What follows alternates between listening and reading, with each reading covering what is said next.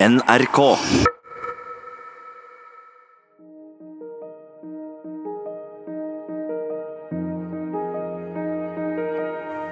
Du hører på En helt vanlig familie, tredje og siste episode. Ingvild vokste opp med heftige krangler som varte hele helgen. Faren hennes løp etter mora, tok tak i henne og banka hodet hennes inn i veggen, sparka henne og kalte henne alt mulig jævlig. Spørsmålene Ingvild sitter igjen med som voksen, er hvorfor slo han? Og hvorfor ble moren i ekteskapet?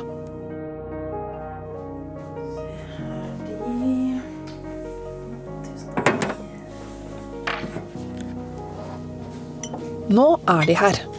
Liv og Per har kommet til Bergen for å besøke Ingvild. Ingvild har bestemt seg for at det er best å snakke med dem hver for seg. Moren Liv først.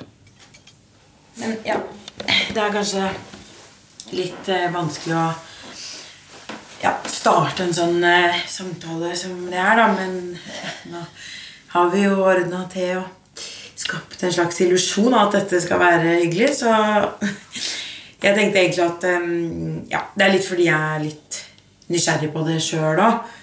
Men uh, du kan jo bare starte med å fortelle f.eks. For hvordan du og pappa møttes, da. Det er liksom ja, noe jeg aldri egentlig har hørt ordentlig om, vel jeg. Mor og datter sitter ved spisebordet. Liv er usminket, har kort hår og er kledd i blazer. Altså, det begynte jo rett og slett med at jeg ble hyret som advokat i eh, ja, det var en tvistesak i firmaet der eh, faren min jobbet, som økonom på 80-90-tallet.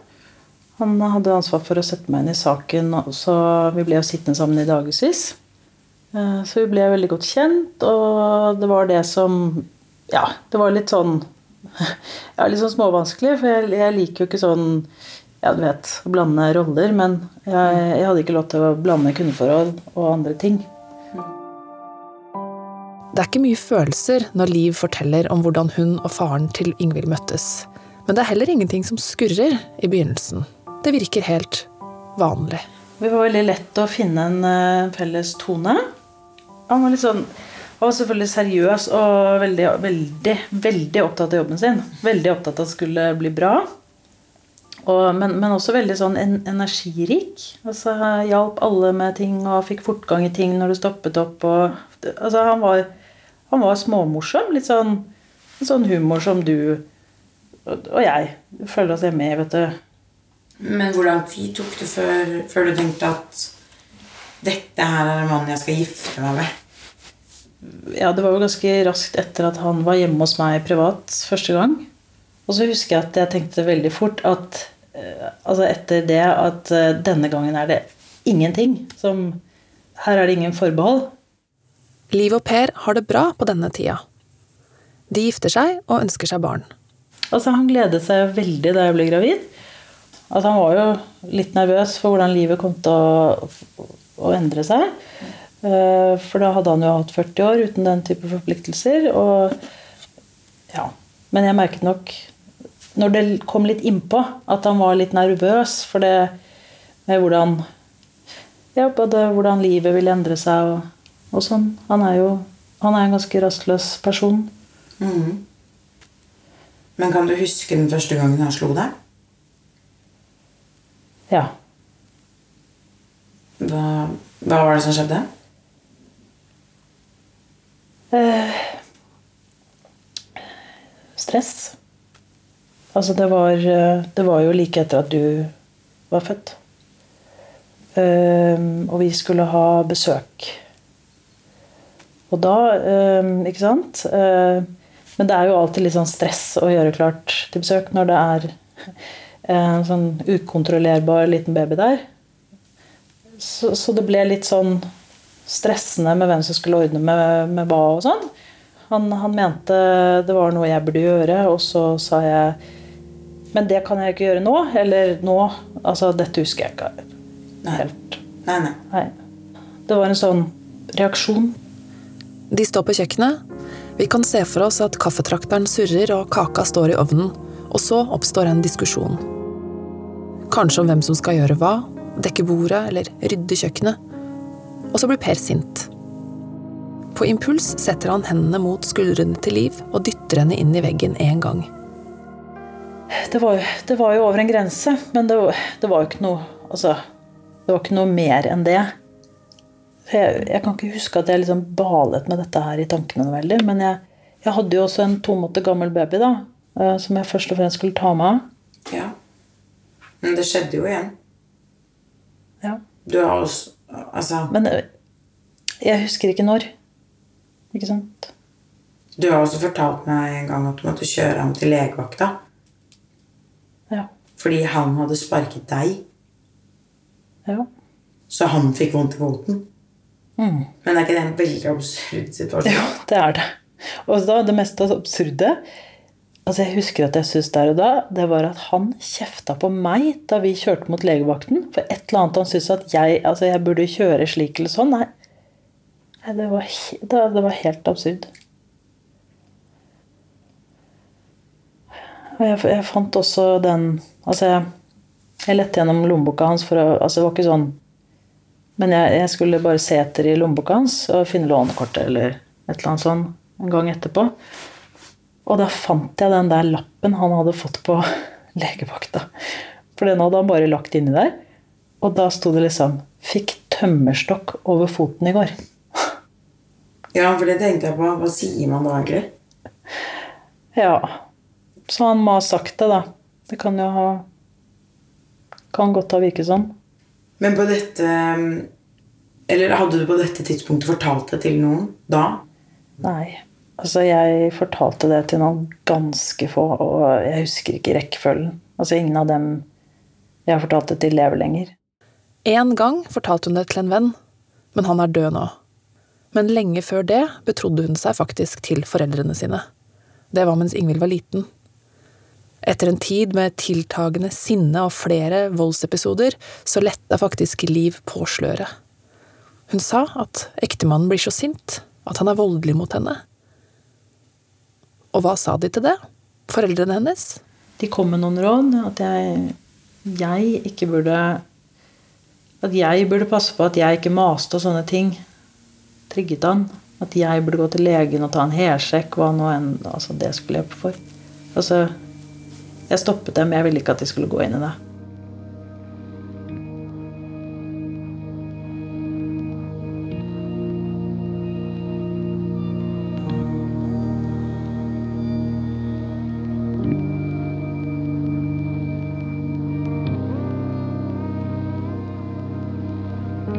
Vi kan jo bare spekulere i hva som hadde skjedd om foreldrene til Liv hadde holdt henne fast den gangen for nesten 30 år sia. Om de hadde sagt 'det er ikke greit at han slår deg'. Ikke under noen omstendighet. Hva hadde skjedd om de hadde insistert på å følge opp og på å følge med? Det får vi aldri vite. I stedet ble kranglinga, volden og utryggheten en familiehemmelighet. Jeg, jeg tror egentlig at veldig mange har ting som ikke alle vet om. Det er, det er ikke noe som jeg har lyst til å innvie mange i det her.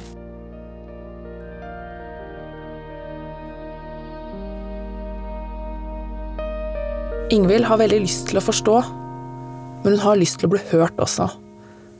Det er et mål i seg selv at hun endelig skal få sagt alt det hun tenker og føler rundt valget moren tok, om å bli værende i et voldelig forhold. På tross av at både hun og barna var redde. Ja, du har jo tatt dine valg og gjort dine vurderinger der og da, og det respekterer jeg som voksen. Men øh, jeg tror det var feil. Eller jeg syns det er synd i hvert fall at vi aldri fikk testa ut hvordan det var å ikke ha den, ja, den evige bekymringen liksom, hengende over oss. Hvordan er pappa? Hvordan kommer han til å være i morgen? Hvordan er han i dag? Og jeg tror at du også er mer preget av å leve sånn enn du kanskje skjønner selv. da. Du har jo fått hat liksom, i bøtter og spann og fått høre om igjen og om igjen hvor elendig du er, hvor fæl du er, hvor stygg du er, og du er en fitte, og du er sånn og du er sånn, og frigid, tror jeg til og med han kalte deg på et tidspunkt. Og jeg bare, jeg bare lurer på også hvordan du ville vært da, hvis du hadde fått muligheten til å bo aleine, ikke måtte ha den der mørke skyen i livet ditt. Og hvordan Kanskje du til og med kunne funnet en fyr som var bedre? Altså, jeg har bodd alene i nesten ti år, så jeg vet veldig godt hvordan det er. Men nei, vi har, ikke, vi har ikke fått testet ut livet uten pappa. Altså, jeg tar ansvar for at jeg har villet at ekteskapet skulle holde. Men har du vært lykkelig?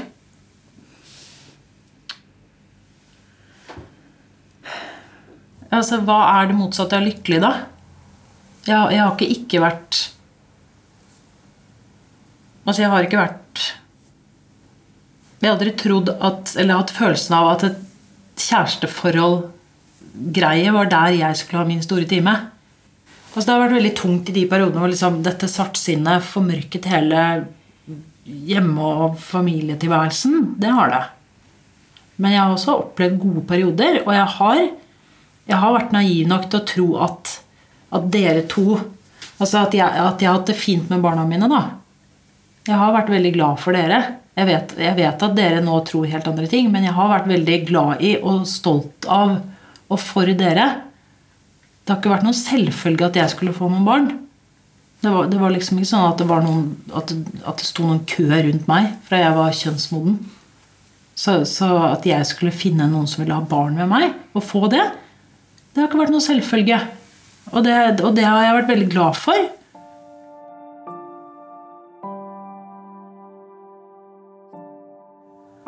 Liv tok et valg. Hun ble. Ingen andre ville vel ha henne, og livet aleine ble for tungt. Kanskje ville også Per gjøre livet vanskelig for henne etter en skilsmisse.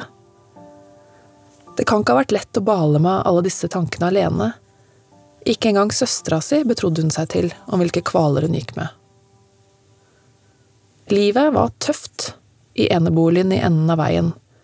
Faren satt i kjellerstua med et ulmende sinne, og de tre andre lista seg rundt i etasjene over. Det var ikke trygt for noen, og dette presset gjorde dem alle sårbare og stressa. Konfliktnivået var til tider ekstremt høyt, også mellom moren og barna. Altså Uansett hvordan man vrir og vender på det, så har du slått meg. Ja, jeg har fiket i Og du kastet en boks i hodet mitt. Da sikta du på hodet mitt, og du traff. Nei, nei, jeg opplever ikke at Altså, Jeg opplever ikke det som at jeg siktet på hodet ditt, men, men altså, jeg kastet den fra meg. Det var en sånn type slå i puter, rive i stykker Ja. Altså, jeg gjorde det, og det er stygt, og det er ikke noe jeg er stolt over. Men det du var aller mest opptatt av da, husker du hva det var? Det var at pappa ikke skulle våkne. Ja, men kan du ikke tenke deg, da? Tror du, tror du det ville gjort Jo, han sa, han, altså han sa at Det jeg var aller mest opptatt av, det vet, det vet jeg ikke. Han Men, kommer til å drepe meg, sa du. Og det stemte jo sikkert, det. jo, men husker du også at jeg tok rundt deg? Og, og, og, var fortvilet? Ja, fordi, Men det var fordi at det faktisk hadde ført til at jeg fikk hull i hodet. Ja, det, det, er, det er jo ikke sikkert at det, at det var det. Altså, det var jo fordi at jeg forsto hva, hva jeg holdt på med. Liv og Per ønsket seg en familie. De gleda seg til å få barn og til å se dem vokse opp. Begge barna, både Ingvild og Øystein, var etterlengta. Lillebror Øystein lot til og med vente på seg i ni år før han kom.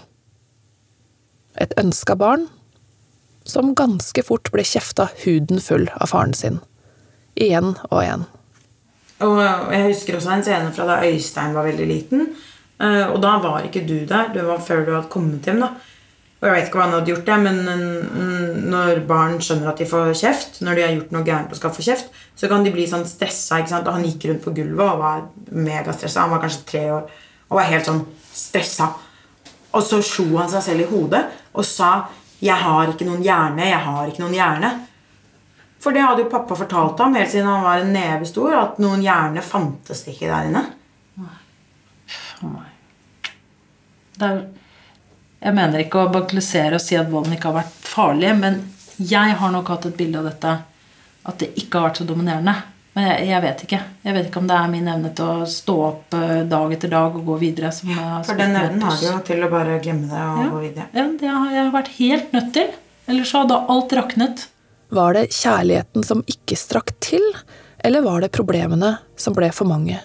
Et eller annet sted på veien mellom drømmen om en familie og realitetene, så gikk det i alle fall galt. Og det er jo veldig leit og beklagelig og tungt hvis dere mener at dere har Den oppveksten deres har gjort at noe i livet deres vil være vanskelig for alltid.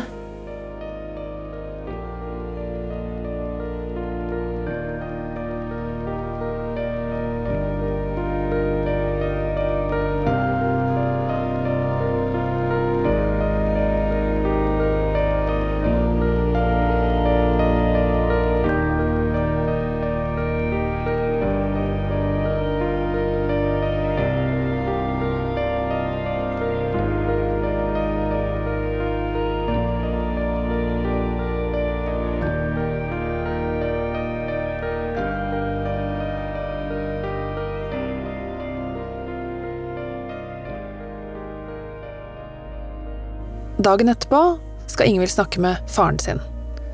Hun kan ikke huske sist de var på tomannshånd sammen, så stemningen er litt rar når hun dekker på til te.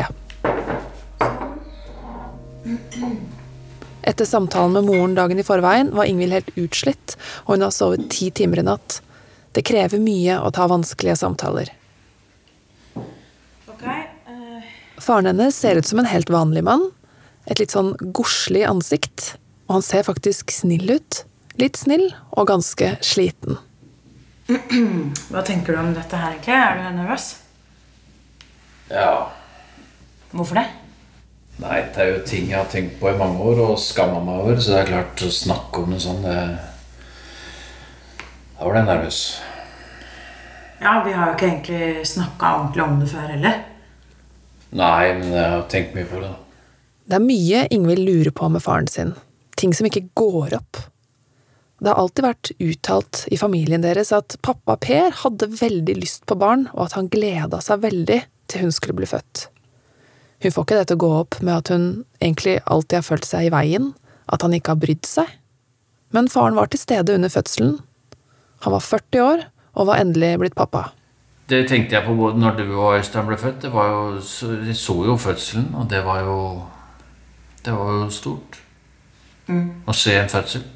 Selv om det kan være litt brutalt, så, så følte jeg ikke noe negativt for at sånn det, Sånn det var. Jeg var bare veldig glad for å se at her kom en frisk og fin unge ut. Det var det som var viktig for meg. Så det var jo ganske Ja, det var ganske stort. Selv om hverdagen den kom jo etter hvert. Hverdagen kom, ja. Noe av det første Ingvild husker fra livet sitt, er at hun får ris av faren sin, og at det var utrolig skummelt. Ja, det var et eller annet du hadde ja, Om ikke gjort, så Nei, det husker jeg ikke. Altså, det, det har jeg fortrengt. Da var jeg veldig liten. Ja, For det er så vidt jeg husker det. jeg var jo ikke sånn en fire-fem år eller noe sånt. da. Jo, kanskje Eller jeg hadde Jeg husker bare den Ja, Men det var bare noe med at du var så trassig. Ja. Da må jeg ha vært ordentlig liten, ja. Ja. Jeg slutta med sånn trass. Hun slutta tidlig med trass, Ingvild, for hun er en smart og lærenem unge som skjønte at her gjelder det å ikke irritere noen. Det er ganske trist at et lite barn har laga seg en sånn strategi. Hun var bare så trassig, sa faren. Følelsene hans løper løpsk, og det er jo bare en dask. Men altså, tenker du at det er greit å slå barn? Nei. For det første er det jo forbudt. Ja. Men, men, men, eh, men veldig mange foreldre gjør jo det i affekt, da. Fordi de Altså, jeg fikk jo juling som barn. Ja. Ikke mye, jeg var ganske snill type, men jeg husker jo faren min slo. Ganske hardt òg. Så det er kanskje det som sitter igjen, at du liksom Som du har blitt behandla sjæl, som behandler andre.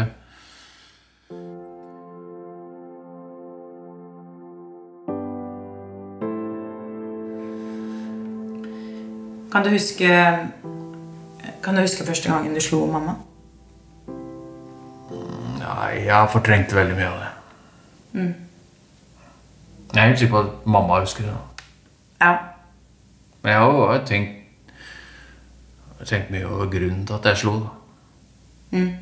Og Det, det er jo noe som har ligget der. Jeg har tenkt på mange, mange, mange år. At Jeg følte meg jeg følte meg så liten i forhold til henne. Hun sto på krava sine bestandig. Hun ga seg aldri. Og så ble jeg sint. Og det var da jeg slo. Det hjalp ikke å slå henne heller. Det var det verste. Så du Altså, jeg, jeg skjønner ikke hvorfor hun ble. Nei. Nei. Det, nei, det gjør ikke jeg heller. Så det må jo ha vært noe, da.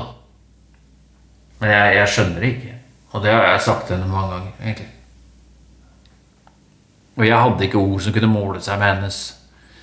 Og da følte jeg meg fortapt. Og så ble jeg sint. Og det er nok mye av årsaken. Men uh, hun mildna jo med åra, så det er jo noe, noe som ikke er et stort problem lenger. Men jeg føler ofte nå i dag også at hun på en måte ja, dreper meg med ord. da. Du har jo kalt deg veldig mye stygt. Ja, men det derre Altså, jeg, nå, jeg, nå skal ikke jeg forsvare det. Men det har noe med det at du kan jo ikke målbinde noe, ikke sant? Og så begynner det å komme grove ting. fordi uansett hva jeg sa eller tenkte, så vant jo hun. Og det har hun ikke noe problem med i dag heller. Men nå har jeg roa meg, så nå skjer jo ikke sånne ting. da. Det er ikke så mange år siden dere var i København. Og du på et eller annet tidspunkt gikk løs på henne på hotellrommet. Og da var morfar med. Ja, ja, jeg husker det. Og da Da kjente jeg henne nesten ikke igjen etterpå. Og ja Dette vet jo ikke du, men eh, Da ringte jeg til politiet Du ringte politiet? Ja. etterpå. Ok. Og det førte jo ikke med seg noen ting, det. Men eh, det var mest fordi at jeg ble redd, og jeg tenkte at eh, Ja, hvis han noen gang dreper henne, så må jeg ha visst for min egen del at jeg har prøvd å gjøre noe. Men, mm, men da så hun jo virkelig ikke ut. Ja, Greit, jeg husker det der. Men grunnen til det var jo at du drakk seg sanseløst full, da, ikke sant? Og da ble jeg sint, for hun gjorde det når morfar var med. Det var grunnen. Jeg forsvarer ikke det utover det, men det var grunnen som gjorde at det, det, det, det, sprakk for meg. For hun var sånn derre ingen kontakt, liksom. Fullstendig sanseløs. Og så når morfar da bodde rett over øh, gangen og ikke skjønte stort, egentlig Han så jo henne, han òg. Nei, men eh, det jeg prøvde å si, da, var egentlig bare at det var en uh, situasjon hvor jeg ble uh, veldig sint og redd. Ja, jeg skjønner det.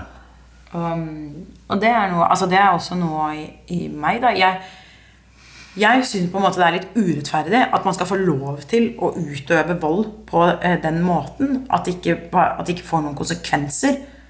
Hvis du skjønner hva jeg mener? Jeg skjønner hva du mener. Og det er jo ikke sånn at jeg sitter her og ønsker deg fengsel, eller noe sånt, men det er, altså, det er, bare, det er, det er litt dårlig gjort. At du liksom bare har kunnet holde på sånn. Og aldri, eller, jeg, har, jeg har aldri hørt deg si unnskyld for eksempel, til henne for de situasjonene. Det har jeg gjort. Ja, Men sånn etter at det har skjedd, da. Ja, det, det tar kanskje litt tid. Ja, det føler jeg jo begge to. At dere begge to, da. At hun også bagatelliserer det. Fordi det er alvorlig å utsette partneren sin for, for vold. Det er jo ikke noe man skal kimse av. Jeg tenkte noen gang over at jeg satt og så på mens dere krangla sånn? Nei, det tror jeg ikke jeg reflekterte så mye over. Jeg husker at du av og til brukte det mot mamma. At jeg satt der. Nei, det husker jeg ikke. Men som jeg sa til deg også, dette her er jo ikke Altså Får ikke gjort ting om igjen. Jeg får ikke gjort ting ugjort, da. Og, og jeg, jeg, jeg skjønner ikke hvorfor jeg gjorde sånne ting sjøl. Men altså, både mamma og jeg har jo sterke temperamenter. Så det må jo være noe sånt der, da. Uten at det er noe forsvar, da. Men eh, vi har i hvert fall roa oss nå, da.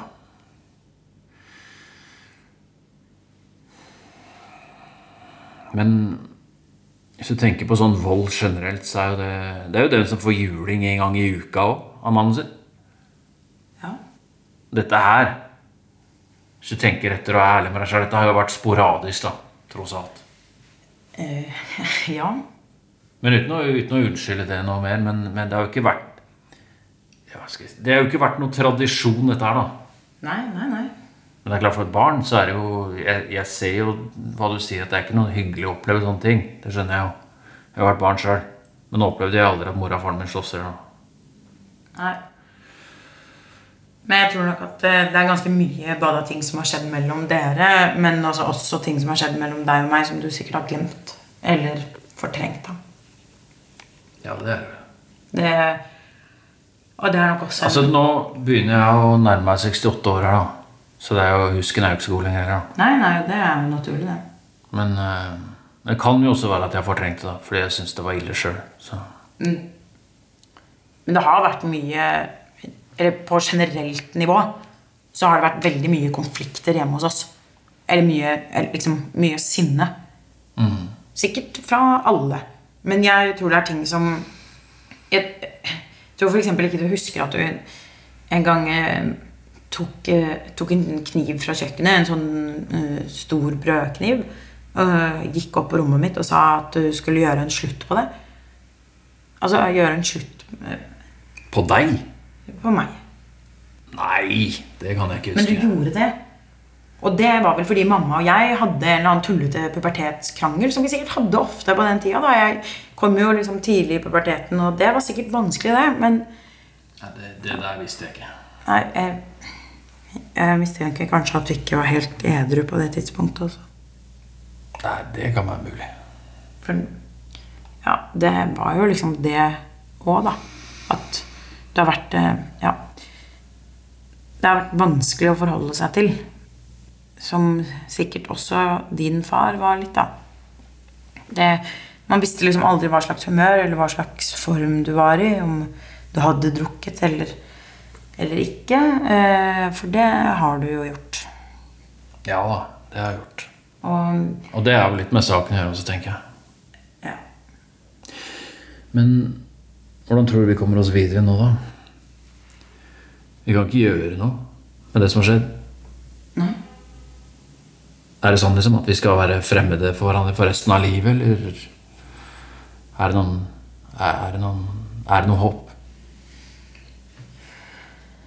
Nei, eh, nei jeg, jeg vet ikke.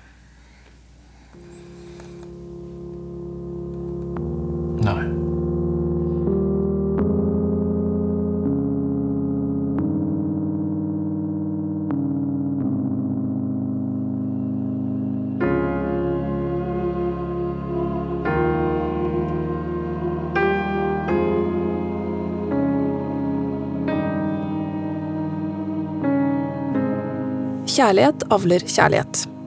En far som har hatt en dårlig barndom og et vanskelig liv, vil ofte streve med å være en god far selv. Det er en slags naturlov. For fra hvor skal du hente den kjærligheten du aldri fikk selv? Det kan forstås, og det kan forklares, hvorfor enkelte foreldre derfor ikke duger. Men kan det tilgis? Kan Ingvild tilgi faren sin for alle de gangene han mista det og ble rasende og skummel og voldelig? Han var jo også en pappa hun la seg på ryggen til, som hun holdt fast i når han sykla henne til barnehagen. En pappa som lekte kakemonstre, og som kunne være både morsom og grei også. Men én ting er sikkert. For å kunne tilgis, så må man jo først lytte og be om unnskyldning. Og jeg er ikke så sikker på at Per gjør det. Selv om han nå faktisk har muligheten. Hva tenker du om det forholdet du har til barna dine nå, da? Du, jeg ser jo du har en avstand, da. Men den avstanden ser jeg ikke så godt hos Øystein. Nei. Øystein skal alltid ha et eller annet. da. Ja. Så han er egentlig ganske sånn krevende på den måten. Han eh, skal ha ting. Jeg er jo glad i Øystein, akkurat som jeg er glad i deg. Jeg må innrømme at det Den avstanden jeg føler jeg får fra deg, den er ikke noe særlig god, da. Nei. Jeg kunne tenkt meg det annerledes. Og derfor har det vært fint på en måte å komme opp hit, da. Jeg følte egentlig Jeg følte egentlig aldri at det var så veldig mye kjærlighet i barndomshjemmet mitt, da. De krangla veldig lite, det gjorde de, men det, det var liksom ikke En sov, og en satt på kjøkkenet og røyka, og Men så sto pappa opp til Dagsrevyen, og så så han på TV resten av kvelden. Det var Sånn var det livet, liksom. Jeg har blitt litt sånn, jeg òg, tror jeg. Så det Jeg ser jo på broren din nå. Han er veldig glad i å se på TV. Han ser veldig mye fotball. Det gjør ikke jeg. og han er kanskje skuffa for at vi ikke kan dele den fotballinteressen, da.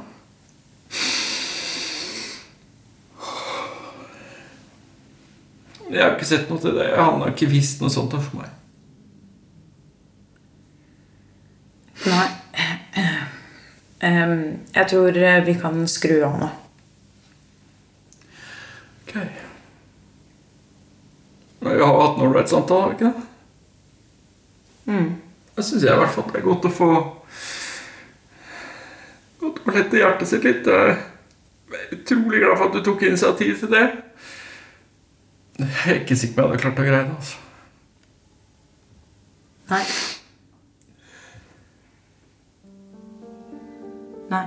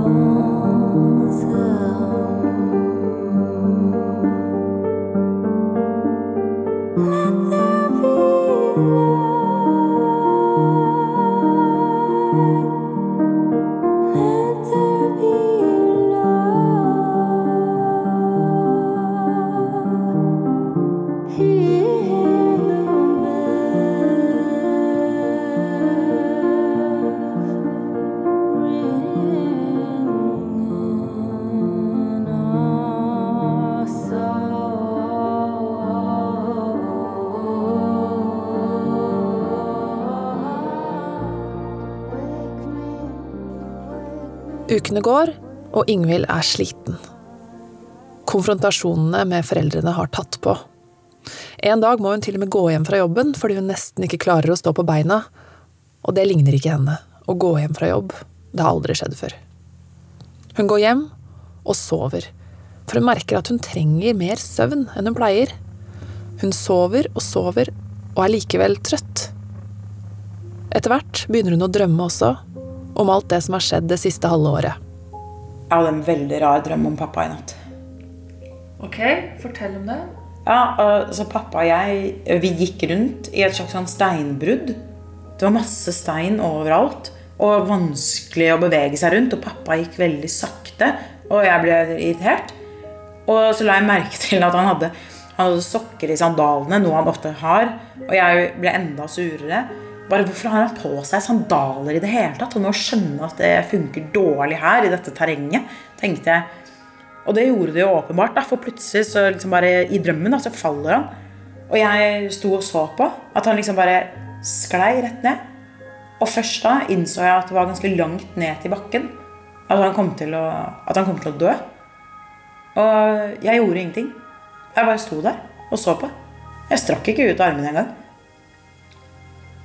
Men uh, altså, jeg kunne ikke ha reddet ham. Det var han eller meg, liksom, tenkte jeg. Og så følte jeg en sånn enorm ro i kroppen. Og bare gikk videre. Alene. Ja, men Kan du gjenkjenne den følelsen? Ja, jeg kommer jo ingen vei. Altså, nå har jeg prøvd alt. Han forstår ikke. Og Hvilken følelse gir det deg, da? At du nå har gitt han opp? Lettelse, kanskje. Ja. Ja, det er det. Det er en lettelse. Liksom, jeg, jeg er ferdig. Jeg trenger ikke lenger å forholde meg til ham. Det, det er lettere.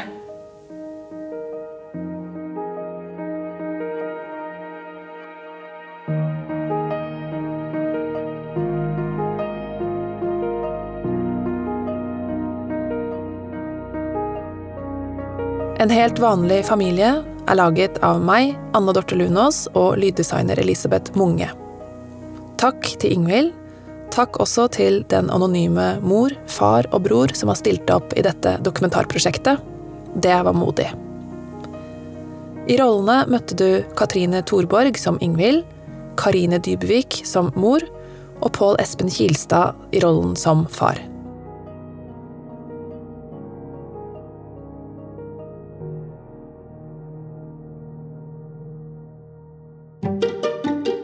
Hei!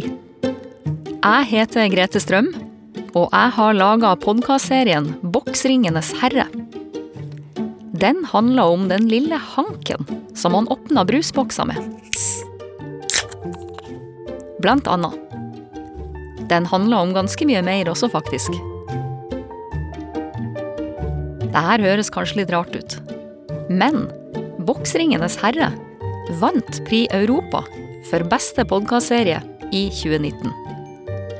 Hør den i appen NRK Radio.